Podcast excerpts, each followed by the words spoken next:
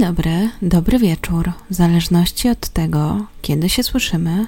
Od ostatniego odcinka chwilka minęła, ale wynika to głównie z tego, że wrzesień jest dla mnie bardzo pracowity i mam trochę mniej czasu, by przygotowywać odcinki, ale tak naprawdę w tym tygodniu zawiodło głównie to, że przygotowałam notatki, ale nie sprawdziłam wcześniej, jak wygląda sytuacja na polskim YouTubie i okazało się, że 5 dni wcześniej ktoś przygotował dokładnie taką samą sprawę i postanowiłam, że zostawię ją w takim razie na później. Dlatego też jak najszybciej postarałam się przygotować notatki do kolejnej sprawy i właśnie dzisiaj mam przyjemność Wam ją zaprezentować.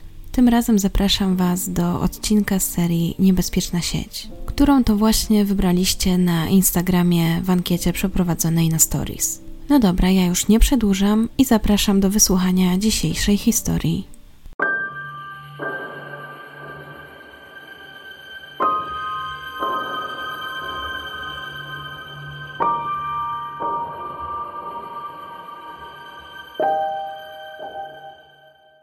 Warina Wright urodziła się na Filipinach. Jej rodzicami byli Warren i Mercabeth, którzy poznali się na Filipinach. Imię Wariny właśnie wzięło się od imienia jej taty. Z kolei jej mama była Filipinką i jeśli wymawiam źle jej imię, to z góry przepraszam. Mama Wariny była diakonem w kościele adwentystów Dnia Siódmego. Również sama Warina, jak i jej młodsza siostra Mareca były wyznawczyniami tej religii. Kobieta przyszła na świat Bulacan, prowincji na Filipinach, około 35 km na północ od Manili.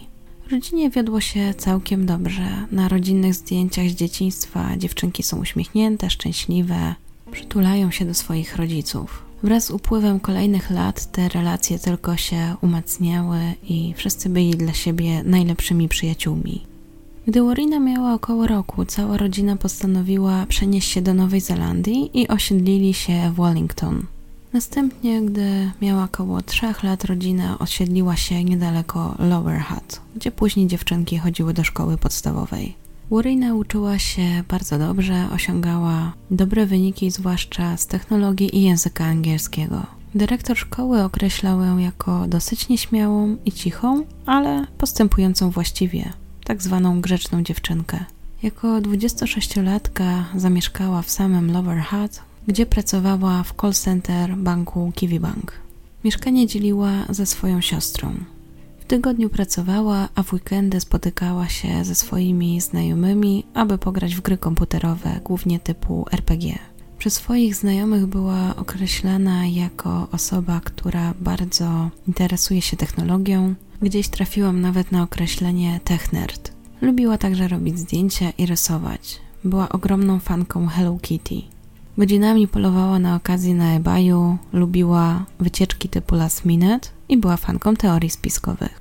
Znajomi uważali także, że była to osoba, która miała swoją opinię i raczej była nieustępliwa, nie odpuszczała w kłótni. Jednocześnie była też bardzo troskliwa i opiekuńcza względem swoich bliskich. I w zasadzie nie tylko, bo okazywała empatię także do osób, których nie znała zbyt dobrze. Opiekowała się także swoją siostrą i mamą. Była naturalnie piękna, miała duże brązowe oczy, wysokie kości policzkowe i czarne, połyskujące włosy. Mimo tego nie była zbyt pewna siebie. Walczyła z niepewnością, czy będzie atrakcyjna dla płci przeciwnej, chociaż nie do końca było to zrozumiałe, dlatego że od wielu lat miała chłopaka, który był osobistym trenerem ale nawet to nie pomagało z jej samooceną. Jej siostra wypowiadała się o niej w ten sposób. Była piękną, inteligentną, troskliwą osobą, która była nie tylko moją siostrą, ale także najlepszą przyjaciółką. Z kolei jej przyjaciółka potwierdziła, że Warina nie do końca się czuła dobrze w swoim ciele i że choć była drobna i atrakcyjna, to nie czuła się atrakcyjna dla płci przedziwnej. Wkrótce też zakończył się jej wieloletni związek i postanowiła, że czas poznać kogoś innego. I właśnie w ten sposób w 2012 roku odkryła Tindera. Czym jest Tinder, myślę, mniej więcej wszyscy wiecie, już ja też wspominałam o tej aplikacji nieraz podczas naszych odcinków, ale dla przypomnienia powiem tylko, że jest to aplikacja randkowa, która polega na tym, że dopasowujemy się z drugą osobą na podstawie tego, czy dwie osoby się sobie spodobały i jeśli tak, to wtedy możemy się dalej komunikować. Ważna jest także lokalizacja. więc Warina zaczęła przeglądać profile i przesuwać palcem raz w prawo, raz w lewo. Czekała, aż z kimś się dopasuje. Po pewnym czasie trafiła nawet na kogoś, z kim zaczęła się spotykać, ale nie było to nic oficjalnego. Ten sposób minęły dwa lata, przyszły wakacje i Warina dostała zaproszenie na wesele, które miało się odbyć w Australii. Zdecydowała, że wybierze się tam sama, nie wzięła ze sobą żadnego partnera i 29 lipca 2014 roku przeleciała z Wellington do Gold Coast. Na miejscu postanowiła, że fajnie będzie właściwie kogoś poznać. Pojechała tam trochę wcześniej, przed tym weselem. Stwierdziła, że też przy okazji spotka się później z przyjaciółką, a wolny czas postanowiła spędzić z kimś, kogo poznałaby przez Tindera. Uruchomiła więc aplikację i tak jak wcześniej zaczęła przesuwać raz palcem w lewo, raz palcem w prawo. Nie planowała żadnej poważnej relacji, właściwie chciała się chyba głównie zabawić. 1 sierpnia w końcu trafiła na połączenie z mężczyzną, który bardzo przypadł jej do gustu. Nazywał się Gable Dosty i był przystojnym 28-latkiem zamieszkującym w Australii. Postanowiła go zagadać, ale na jego odpowiedź przyszło jej czekać aż 3 dni. Zagadała go nawiązując do postaci z Simpsonów Clitusa. Wymieniają potem kilka wiadomości. Od razu ze sobą flirtują, rozmawiają raczej w zabawny sposób. W pewnym momencie Gable daje jej do zrozumienia, że bardzo mu się podoba i chciałby jej zrobić niegrzeczne rzeczy. Urina lekko ironizuje, pyta, czy to przeważnie działa, ale ostatecznie raczej jej to nie przeszkadza. A to dlatego, że gdy parę wiadomości później Gable pyta ją o numer telefonu, to ona mu go podaje. W międzyczasie Warina spotyka się w końcu z przyjaciółką, znają się z dzieciństwa, opowiadają sobie co tam u nich, spędzają razem czas na plaży, robią zdjęcia, odwiedzają najwyższy budynek w Australii i generalnie krążą po okolicy. Przez cały ten czas Warina jest też w kontakcie z nowym znajomym z Tindera, Łącznie piszą już ze sobą SMS-y przez trzy dni i w końcu postanawiają, że czas się spotkać. Wiele z tych wiadomości ma też podtekst seksualny, więc oboje raczej wiedzą, na co się szykują. Para umawia się na randkę wieczorem 7 sierpnia. Jeszcze przed nią Warina mówi swojej przyjaciółce, że wygląda jak Sam Winchester, postać Supernatural, jednego z jej ulubionych seriali. Jest jednak wiele rzeczy, których Warina nie wie o swoim nowym potencjalnym znajomym, jak między innymi to, że ma na koncie ponad setkę kobiet, z którymi spał w ciągu ostatnich czterech lat, a oprócz tego prowadzi rejestr ich nazwisk, daty każdego spotkania i lubi nagrywać swoje randki. Tak jak wspomniałam, para umawia się na spotkanie 7 sierpnia o godzinie 20.45. Parę godzin później o 2.21 kobieta wypada z balkonu z 14 piętra i ginie na miejscu. Ale zanim opowiem Wam, jak wyglądało ich spotkanie, przedstawię jeszcze pokrótce historię Gable'a. Mężczyzna całe swoje życie spędził na Gold Coast, gdzie mieszkał ze swoim ojcem Graham, który był konsultantem do spraw sprzedaży dywanów, mamą Helen, która była nauczycielką na zastępstwo i młodszym bratem Tennysonem. Gold Coast, a dokładniej okolica, w której wychował się Gable, słynęła właśnie z takiej imprezowej natury. Było więc tam wiele miejsc, w których można się pobawić wieczorami. I gdy Gable w 2003 roku skończył prywatną szkołę, również oddał się głównie imprezowaniu. Ale po pewnym czasie uznał, że warto by było zająć się zarabianiem pieniędzy i doszedł do wniosku, jak połączyć przyjemne z pożytecznym – Zauważył, że jest ogromne zapotrzebowanie wśród uczniów na nielegalne dowody, które pozwalałyby im właśnie wstępować do klubów i pić alkohol. Wraz z dwoma znajomymi postanawia, że założą właśnie taki biznes, czyli będą oferowali fałszywe dowody dla uczniów, które dadzą im wstęp do tak zwanej dorosłości. I biznes poszedł naprawdę dobrze, bo do momentu, kiedy Gable został aresztowany, zdążył zarobić 30 tysięcy dolarów. W sądzie zostaje też przedstawiona ocena psychologiczna Gable'a, która nie jest dla niego zbyt korzystna. Ostatecznie nie otrzymuje on jednak żadnego wyroku skazującego. Pozostawia to jedynie ślad w jego papierach. Ale to nie jedyna zmiana. Postanawia też odciąć się od szkolnych znajomych i staje się samotnikiem. W lipcu 2004 roku postanawia dołączyć do forum, które zrzesza osoby budujące masę mięśniową. Jako zdjęcie profilowe ustawia zdjęcie, na którym widać jego tors i tak zwany sześciopak. Dołącza tam po to, aby podpytać o suplementy spalające tłuszcz i przy okazji jakieś podstawy diety bezmlecznej. W 2005 roku te pytania można by już nazwać dużo głębszymi, dlatego że zaprzyjaźnia się z innymi uczestnikami, pyta ich m.in. o wiarę czy dowód na istnienie Boga. W 2010 roku pyta także o porady o to, jak poznać nowych znajomych, a przede wszystkim prawdziwych przyjaciół. Pisze m.in., że trudno jest znaleźć prawdziwych przyjaciół, nie znając już ludzi. Dodaje także, że w końcu musi ujawnić, że jest pustelnikiem. Z kolei kilka dni później melduje internetowym znajomym, że właśnie wyszedł z kolegą ze szkoły, a nawet poderwał kilka dziewczyn. Opisuje im ze szczegółami, jak wyglądał ten wieczór, a nawet chwali się, że doszło do całowania. Ma także kompleks na punkcie tego, że nie uprawiał seksu od 17 roku życia. Zastanawia się, czy powinien coś zmienić w tej kwestii. Po namyśle wysyła wiadomość do jednej dziewczyny i czeka na jej odpowiedź. Do spotkania jednak nie dochodzi i tydzień później, ale już z inną kobietą, postanawia przyjąć bardziej zdecydowane podejście. Później chwali się na forum, że doszło do zbliżenia na tyłach jego samochodu. I tak z tygodnia na tydzień chwali się kolejnymi podbojami. Internetowi znajomi nazywają go Playboyem z Gold Coast.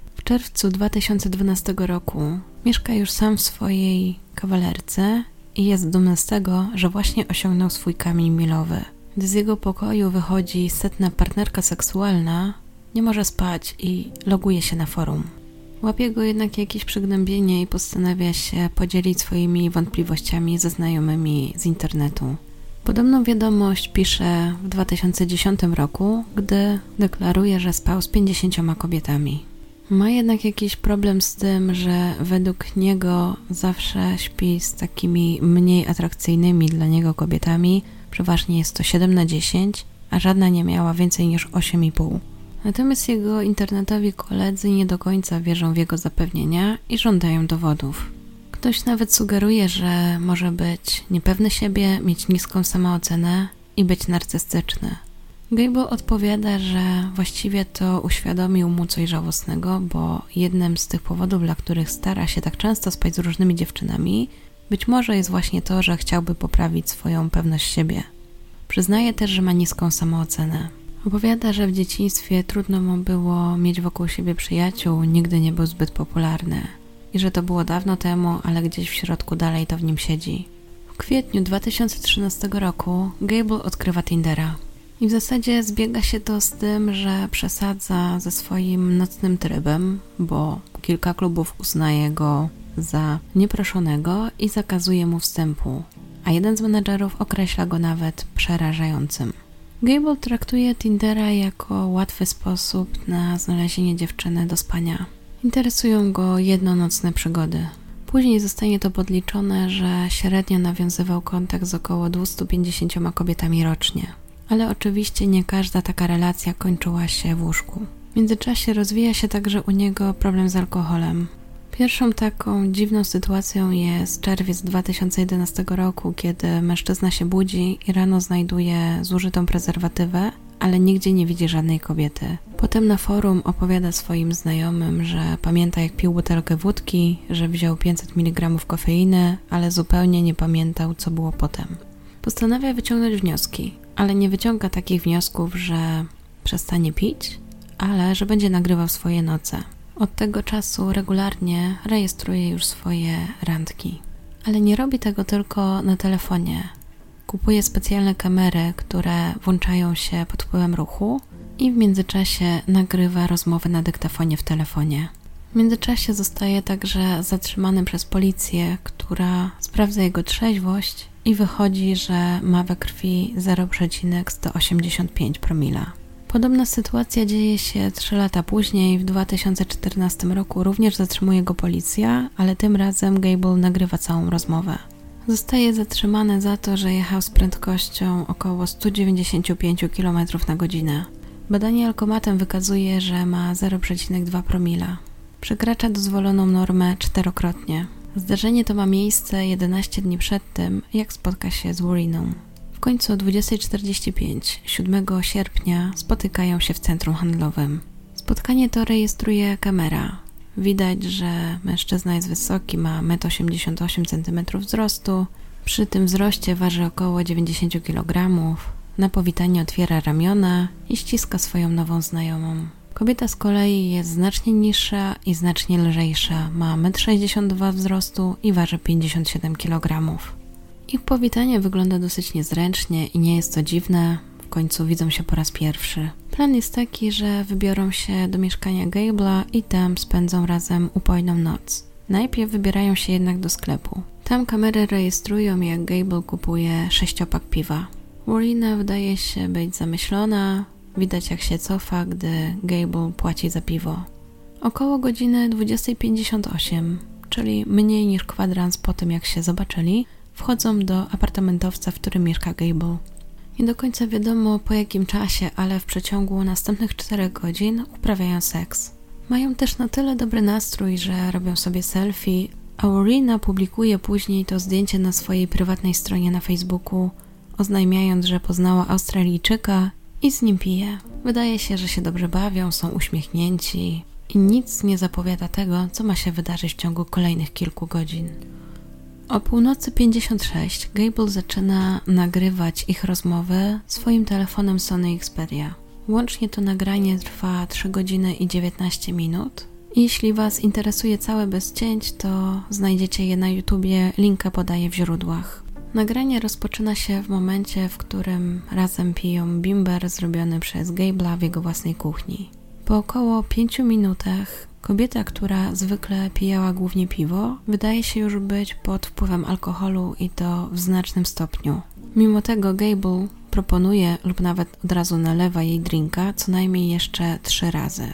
Późniejsze testy wykażą, że jej poziom alkoholu wynosił 0,156 promila, czyli trzykrotność dozwolonego limitu. Gable po alkoholu staje się dużo bardziej otwarty. Zaczyna też dyskusję o Bogu i sugeruje, że nie ma żadnych bogów. Na co Warrian, która raczej jest religijna, odpowiada, że bogowie są wszędzie. Dochodzi też między nimi do małej walki. Kobieta stosuje techniki Muay Thai, nie wiem czy dobrze wymawiam, czyli takiej sztuki walki, której kiedyś się nauczyła. Gable stara się ją zastopować i mówi, że jest trochę brutalna. O 1.35 kobieta jest już wyraźnie nietrzeźwa. Chce wyjść i oskarża, że Gable zabrał jej telefon. Wyzywa go do pojedynku i sugeruje, że połamie mu szczękę. Później krzyczy. A potem nagle nie wiadomo dlaczego, uspokaja się. O drugiej dziesięć zaczyna się kolejna walka. Słychać jak Warina mówi, że to naprawdę zraniło jej pochwę. Gable się na to śmieje. Na to kobieta chwyta małe ozdobne kamienie i prawdopodobnie zaczyna rzucać nimi w Gable'a, który mówi o, a prokuratura traktuje to właśnie jako moment, w którym dostał cios. Dwie minuty później, o 2.12, kobieta nazywa go samym Winchesterem na co mężczyzna obiecuje, że zrobi co chce. Używa nawet sformułowania, że będzie jej seksualnym niewolnikiem. Znowu rozpoczyna się walka i mężczyzna mówi: W porządku, wystarczy. Słychać na to okrzyki protestu ze strony Warrior. Mężczyzna komentuje, że nie jest jego typem dziewczyny. Jego ton staje się dużo groźniejszy, ale wydaje się, że jest całkowicie kontrolowany. Mówi jej, że musi już wyjść, na co kobieta się zgadza. Usiłuje zaczerpnąć powietrza. Następnie słychać, jak mówi, że wszystko jest w porządku, wszystko jest w porządku. Ale brzmi jakoś inaczej, dziwnie. Prokuratura potem twierdzi, że prawdopodobnie w tym momencie została przyciśnięta do dywanu, twarzą zwróconą właśnie w stronę tego dywanu. W tamtym momencie Gable ją prawdopodobnie krępował. Następnie nazwał ją szaloną. A potem słychać, jak mówi, że ma szczęście, że nie wyrzucił jej z balkonu i wyzywa ją od suk tym czasie słychać, jak kobieta dyszy. Gable tylko się nakręca i mówi: Co, co, masz mi coś do powiedzenia? Potem się nagle uspokaja i dosyć trzeźwym głosem mówi: Nie będziesz zbierać żadnych rzeczy, ani niczego, po prostu wyjdziesz i zatrzasnę ci drzwi, rozumiesz? Jeśli spróbujesz wyciągnąć cokolwiek, znokautujecie. Znów słychać odgłosy kolejnej walki. W pewnym momencie Warrior wydaje się być przestraszona i przeprasza. Słychać jakieś bulgotanie, chrapliwy dźwięk. Kobieta stara się oddychać, słychać jak dyszy. O godzinie 2.19 słychać dźwięki, które zdaniem policji mogą oznaczać otwieranie drzwi balkonowych. Zaraz po tym Warrior zaczyna krzyczeć nie, a potem wypowiada to słowo 31 razy w 46 sekund. Przyznam Wam, że ten moment jest chyba najbardziej przerażający z całego nagrania. Głos kobiety brzmi, jakby krzyczała z bólu, błaga o pozwolenie na powrót do domu. To nie w zasadzie brzmi jak kryk, jakby kobieta czuła, że walczy o życie. Błaga, by Gable przestał robić to, co jej robi. Wtedy mężczyzna odpowiada jej, żeby się zamknęła i że to wszystko jest na nagraniu. 25 sekund później, po zamknięciu drzwi balkonowych, o godzinie 2.21, słychać słaby krzyk. Kobieta wypada z balkonu i spada 14 pięter niżej. Ginie na miejscu.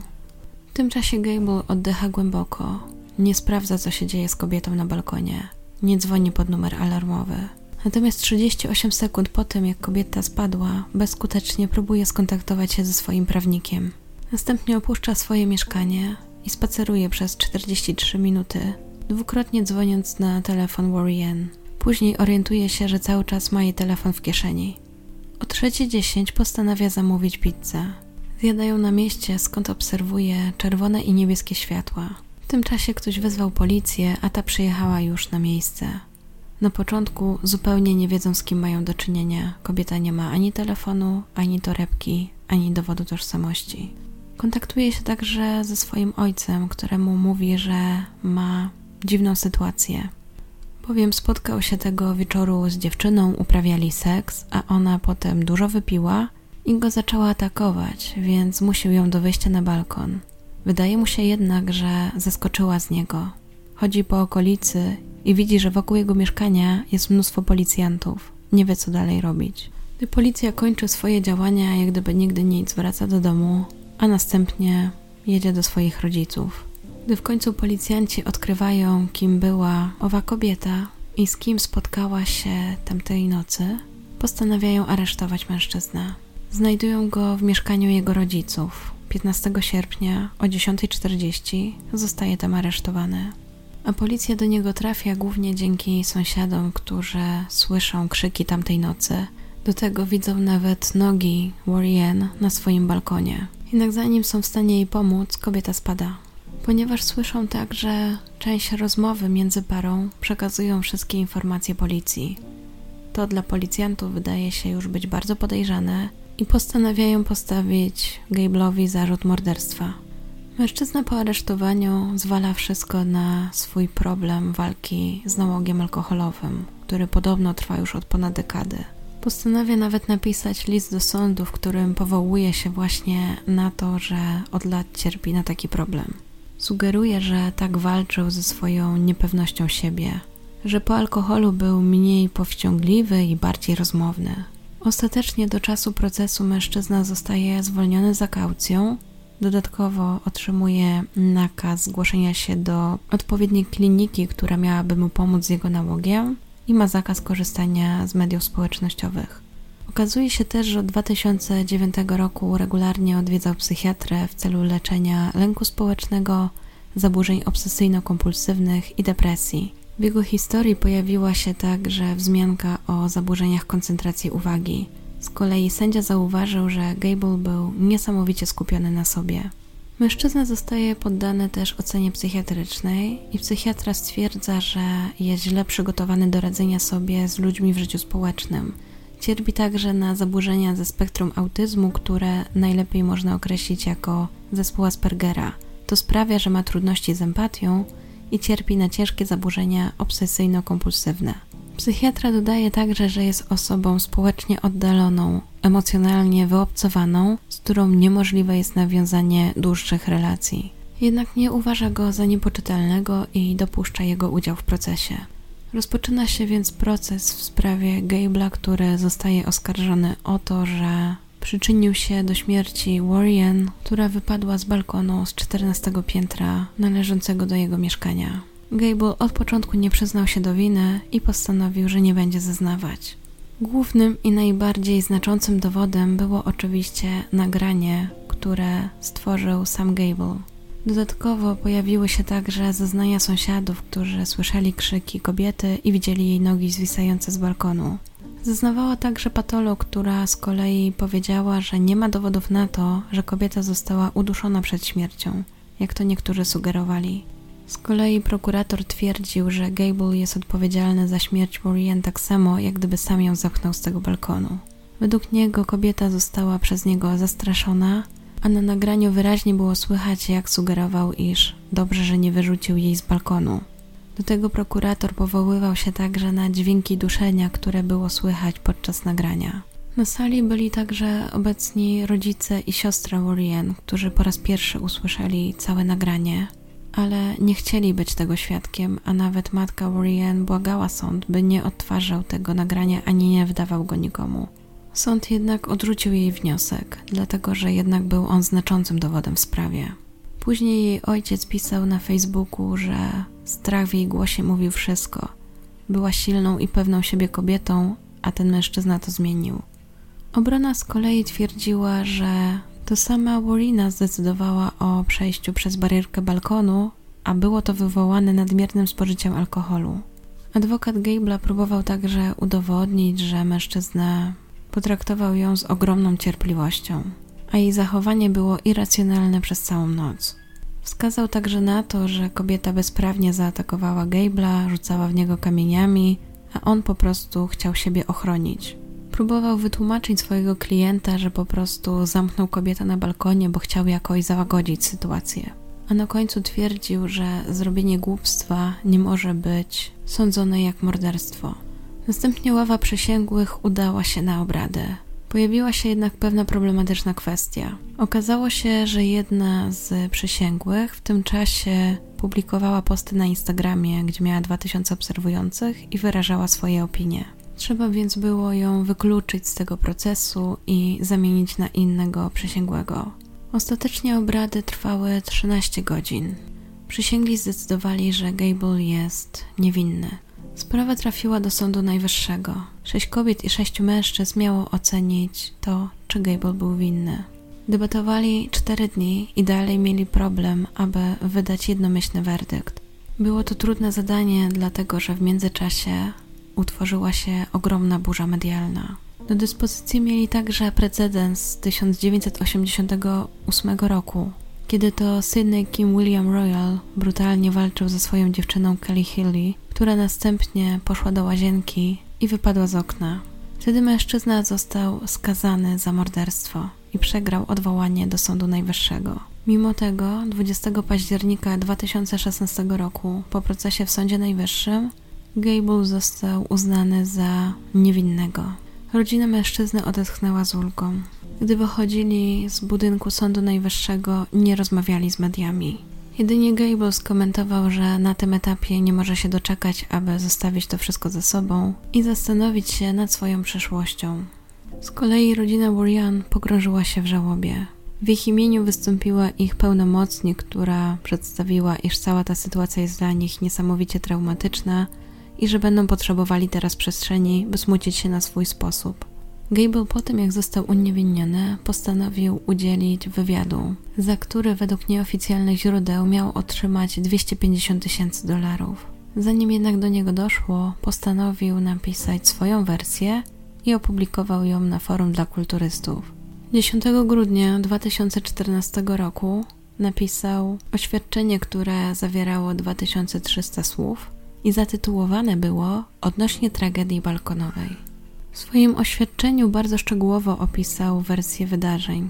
Zaczął od tego, że swojego oświadczenia nie adresuje do nikogo, ale pomyślał, że skoro od tak dawna był na tym forum, to właśnie tutaj opublikuje swoją wersję. Twierdził, że do tej pory milczał o tej sprawie, ale w związku z tym, że krąży tyle nieprawdziwych wersji, to postanowił zabrać głos. Deklarował, że śmierć Wariny była najbardziej tragicznym i niepokojącym wydarzeniem, jakiego kiedykolwiek doświadczył.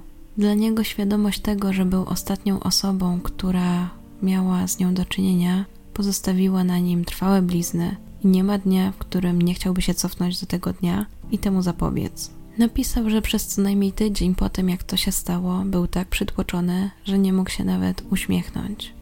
Kilka razy dziennie załamywał się, płakał i za każdym razem, gdy zobaczył jej zdjęcie w wiadomościach, nie panował nad sobą. Nigdy nie spodziewał się, że doświadczy czegoś takiego i nie miał pojęcia, jak to mocno na niego wpłynie. Nie miał też okazji spotkać się z rodziną kobiety ani z nią porozmawiać, i boli go myślenie o ich stracie i cierpieniu, których teraz muszą doświadczać. Uważał, że media potraktowały go bardzo niesprawiedliwie i że to, na czym im zależało, to tylko historia. Nie obchodziło ich, czy to była prawda. Teraz już rozumie, że jego milczenie napędzało tylko wyobraźnię ludzi, a media to wykorzystały. Jego zdaniem zrobiono wszystko, aby przedstawić go jako potwora. Dalej mężczyzna opisuje wieczór, który zmienił jego życie. Zaczyna od tego, że miał być relaksujący i zabawny. Były wakacje, umówili się z Urian na drinka, świetnie się dogadywali, ale w miarę upływu czasu coś się z nią stało i zaczęła się zachowywać bardzo dziwnie, a nawet agresywnie. Początkowo nie wiedział, czy dla niej to zabawa, czy właśnie wieczór wymyka się spod kontroli. Kobieta go biła, kpiła z niego, rzucała w niego rzeczami i niszczyła jego mieszkanie. Przez kilka godzin próbował ją uspokoić. Miał nadzieję, że zaraz wszystko wróci do normy. W końcu, gdy zrozumiał, że kobieta się nie uspokoi, chciał, żeby opuściła jego mieszkanie. Ale zamiast to zrobić, chwyciła za metalowy pręt i próbowała nim w niego rzucić. Według niego na nagraniu odgłosy dławienia to był właśnie ten rzut. Deklarował także, że nigdy celowo nie chciał jej udusić ani nie położył rąk na jej szyi. Jedyne co robił, to bronił się przed jej atakiem. Dodał także, że gdyby chciał ją udusić, to pewnie nie byłoby to trudne, ale nie chciał tego zrobić. Zrobił to, co zrobił, bo chciał zapobiec dalszemu konfliktowi i jak najbardziej załagodzić sytuację. Wie też, że momentami puszczały mu za bardzo nerwy, ale wynikało to też z tego, że całą noc pił. Ich walka toczyła się jakieś 2-3 metry od szklanych balkonowych drzwi. Uznał, że jeśli umieści ją na balkonie, to kobieta się uspokoi i potem będzie mógł z nią normalnie porozmawiać i wyprosić z mieszkania. A jeśli się nie uspokoi, to po prostu weźmie ochronę lub zadzwoni na policję, aby mu w tym ktoś pomógł. Nawet swojej najdzikszej wyobraźni nie wyobrażał sobie tego, co się stało później. Jego balkon był całkiem spory, miał 3,5 metra na 5,5 metra. Miał też piękny widok. Wydawało więc się, że nic kobiecie nie grozi na tym balkonie. Potem jak zamknął drzwi, odwrócił się do niej plecami i wycofał dosłownie na jakieś 10 sekund. A kiedy znów się odwrócił i spojrzał przez szybę, wtedy zobaczył, że kobiety nie ma na balkonie. Według jego wersji ta nigdy nie próbowała wrócić do środka, walić w drzwi, ani nawet krzyczeć. Natomiast on był za daleko, aby zareagować. Nie miał pojęcia, co się stało. Wiedział tylko, że już jej na balkonie nie ma. Niewiele myśląc stwierdził, że musi opuścić mieszkanie, bo nie byłoby dobrze, gdyby ktoś go zobaczył na tym balkonie. Jedyne rozsądne rozwiązanie, jakie przyszło mu do głowy, to zadzwonić do swojego prawnika i zapytać, co robić, ale oczywiście nie udało mu się dodzwonić. Twierdził, że nie uciekł z miejsca zdarzenia, a jedynie zszedł na dół sprawdzić, czy uda mu się dowiedzieć, co się stało z kobietą. Wtedy też zobaczył, że na miejscu jest już policja i zrozumiał, że stało się coś poważnego. Był przerażony, wyczerpany, odurzony i zdezorientowany. Pomyślał, że jeśli teraz zgłosi się na policję bez prawnika, to nie będzie w dobrej sytuacji. Zdecydował więc, że wyjdzie z budynku i zadzwoni do taty. Czekając na spotkanie z tatą, postanowił, że kupi kawałek pizzy, aby powstrzymać głód i niepokój. Wiedział, że w okolicy można kupić pizzę na kawałki i postanowił tam się udać. Twierdził też, że gdy tylko udało mu się uzyskać poradę prawną, to sam zgłosił się na policję. Tego samego dnia policja przejęła jego telefon i telefony jego rodziców. Wtedy nie spodziewał się, że wykorzystają to nagranie, które tego dnia zarejestrował. Ciągu następnego tygodnia był przytłoczony atakami i oskarżeniami, które powoli zaczęły się pojawiać w mediach. Następnie przyszła po niego policja i został aresztowany. Był w ogromnym szoku. Od razu trafił do aresztu bez żadnego procesu. Tam zaznał wielu nieprzyjemności ze strony innych osadzonych, a także fizycznego napadu. Potem rozprawa została odroczona i łącznie spędził nieco ponad trzy miesiące w areszcie do czasu, aż przyznano mu możliwość zwolnienia za kaucją. Towarzyszyły temu jednak liczne ograniczenia, między innymi godzina policyjna między 21 a 17. Jego zdaniem jego wizerunek został tak zniszczony, że jest już nie do naprawienia. Przeczytał też na swój temat wiele bredni, jak m.in. to, że szpiegował dziewczyny za pomocą teleskopu i drona. Sugerowano także, że już następnej nocy, po tym tragicznym wydarzeniu, szukał kolejnej dziewczyny na Tinderze. On z kolei twierdził, że nie wyszedł na żadne spotkanie towarzyskie ani razu w ciągu następnego tygodnia. Pojawiły się także doniesienia, że tworzył domowej roboty porno, ale i to oczywiście było nieprawdą. Jedyne do czego się przyznaje to to, że regularnie nagrywał swoje noce z kobietami, zwłaszcza jeśli pił alkohol, aby wiedzieć, co po prostu się podczas nich działo. Dodał także, że miał w przeszłości już zatarg z prawem, ale na pewno nie dopuściłby się morderstwa. Obecnie mieszka ze swoimi rodzicami i czeka go długa droga, aby wrócić do normalności. Swoją wypowiedź zakończył tym, że nie boi się prawdy i wie, że jest niewinny i będzie walczyć z całą tą nieprawdą, która na jego temat jest tworzona. W międzyczasie na Facebooku powstała także grupa licząca około 5000 osób, która omawiała sprawę Gabla. Co ciekawe, do tej grupy dołączył sam mężczyzna. Nie zachowywał się on jednak tam zbyt przyjaźnie, często poprawiał pisownie innych i wysyłał nieprzyjemne wiadomości. Po śmierci Warrieny jej rodzina długo nie zabierała głosu. W mediach pojawiły się wypowiedzi jej taty i siostry, które cały czas deklarowali, że jest im ciężko po stracie tak kochającej i oddanej członkini rodziny. Dla siostry było to jeszcze trudniejsze, bo od zawsze były przyjaciółkami, były też w kontakcie. Kobieta wiedziała o tym, że jej siostra ma zamiar się z kimś spotkać. Nie sądziła jednak, że będzie to jej taka ostatnia randka. Podesłała jej nawet selfie, które zrobiła sobie ze swoim nowym znajomym, a potem już nie żyła. Szukając informacji do tej sprawy, natrafiłam także na analizę wywiadu, który Gabe udzielił jednej ze stacji, a o którym Wam wspominałam. Specjalista od języka ciała spróbował tam rozgryźć postawę Gable'a i przedstawić swoje wnioski. Linka znajdziecie w źródłach, a ja przytoczę Wam najciekawsze wnioski. Tak samo znajdziecie odnośniki do wywiadu w dwóch częściach. Na podstawie tego wywiadu specjalista zauważa, że dla Gable'a istnieje coś takiego jak skala niewinności. Mówiąc prościej, dla niego nie ma czegoś takiego, że ktoś jest winny albo niewinny. On widzi rzeczy pomiędzy. Używa też języka dystansującego, Mówi na przykład, jaka jest niewinna osoba. Celowo dystansuje się od swojego oświadczenia i całej sprawy. Nie udziela bezpośredniej odpowiedzi na pytania. Do tego w nieodpowiednim momencie potrząsa głową, co jakby wskazuje, że odczuwa pewien poziom winy. Bo potrząsa głową w momencie, gdy wypowiada słowo niewinna i tak jakby sobie zaprzeczał. Kolejna analiza ma miejsce, gdy dziennikarz pyta mężczyznę o kwestię posiadania ponad 180 partnerek seksualnych. Mężczyzna wtedy pokrętnie się tłumaczy, jakby chciał się od tego zdystansować, do tego zasłania oczy.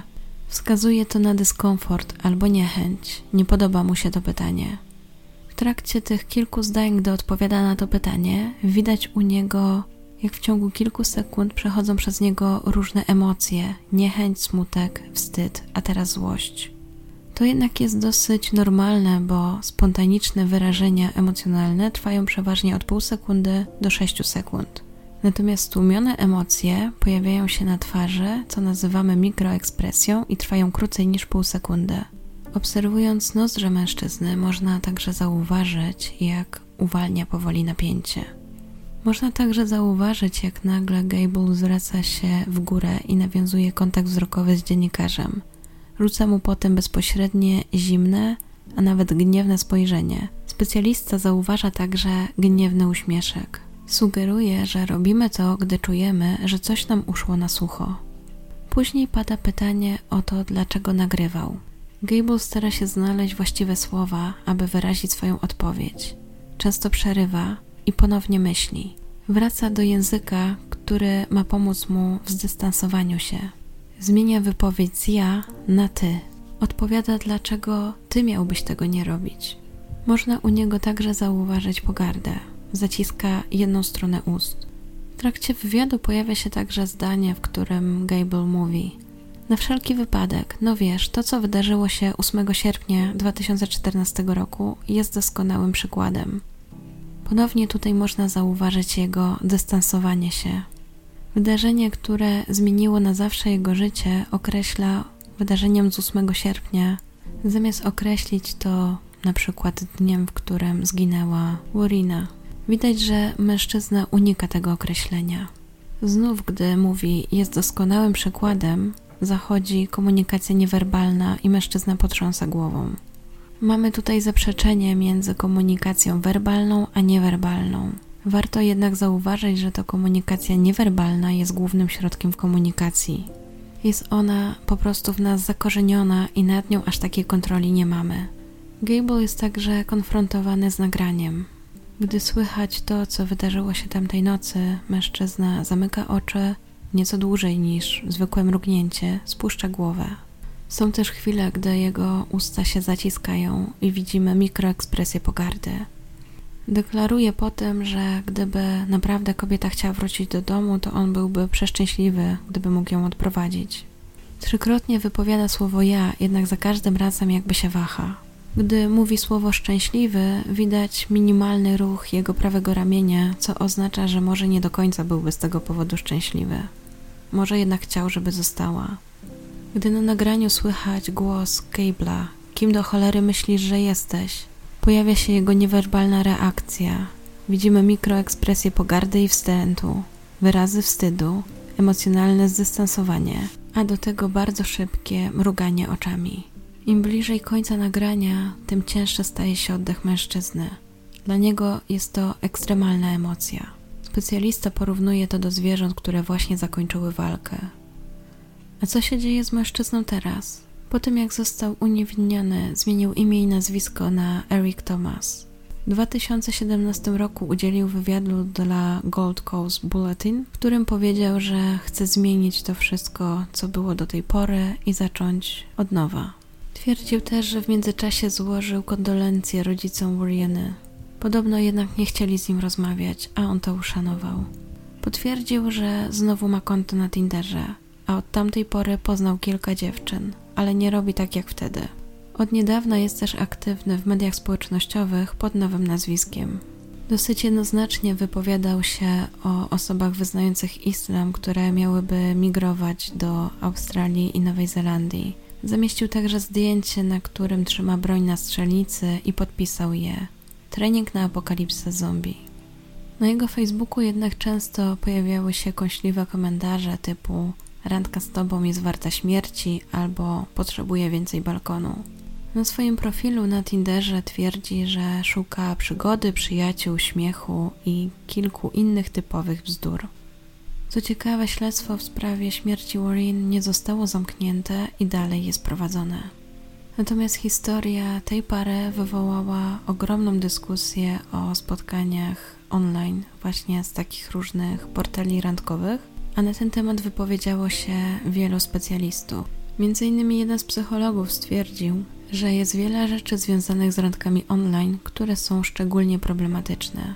Między innymi, że z Tinderem cierpimy na niedobór informacji, a to sprawia, że są to jakieś anomalie statystyczne.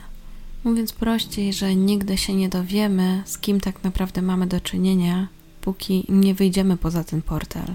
I to tak naprawdę jest myśl na koniec, że jeżeli poznajemy kogoś przez internet i nawiązujemy z nim znajomość, to musimy mieć to w głowie, że te parę wiadomości, które wymienimy, jeszcze nie sprawią, że będziemy mieć pewność, z kim mamy do czynienia. Tym razem profil był prawdziwy, osoba była taka sama jak na zdjęciach, ale nie można było przewidzieć, jak potoczy się randka, która miała być po prostu wakacyjnym romansem. Myślę jednak, że raczej się ze mną zgodzicie, że pierwsza randka w czyimś mieszkaniu nie jest zbyt dobrym pomysłem. Chyba, że macie inne zdanie, to chętnie je poznam, dajcie znać w komentarzu. Jeśli macie też jakieś przygody odnośnie spotkań z osobami z internetu, to dajcie znać. Chętnie poznam Wasze historie, na przykład o tym, że ktoś okazał się kimś innym. Być może to ostrzeże inne osoby przed podobną sytuacją. Przypominam też, że jeśli macie swoje historie typu Catfish, które chcielibyście, abym opowiedziała w jednym z odcinków, to wysyłajcie je na maila kryminalnehistorie.gmail.com Czekam też na Wasze komentarze odnośnie tej sprawy i o tym, co ogólnie o niej myślicie. A tymczasem dziękuję Wam za wysłuchanie, życzę miłego dnia, dobranoc, do usłyszenia.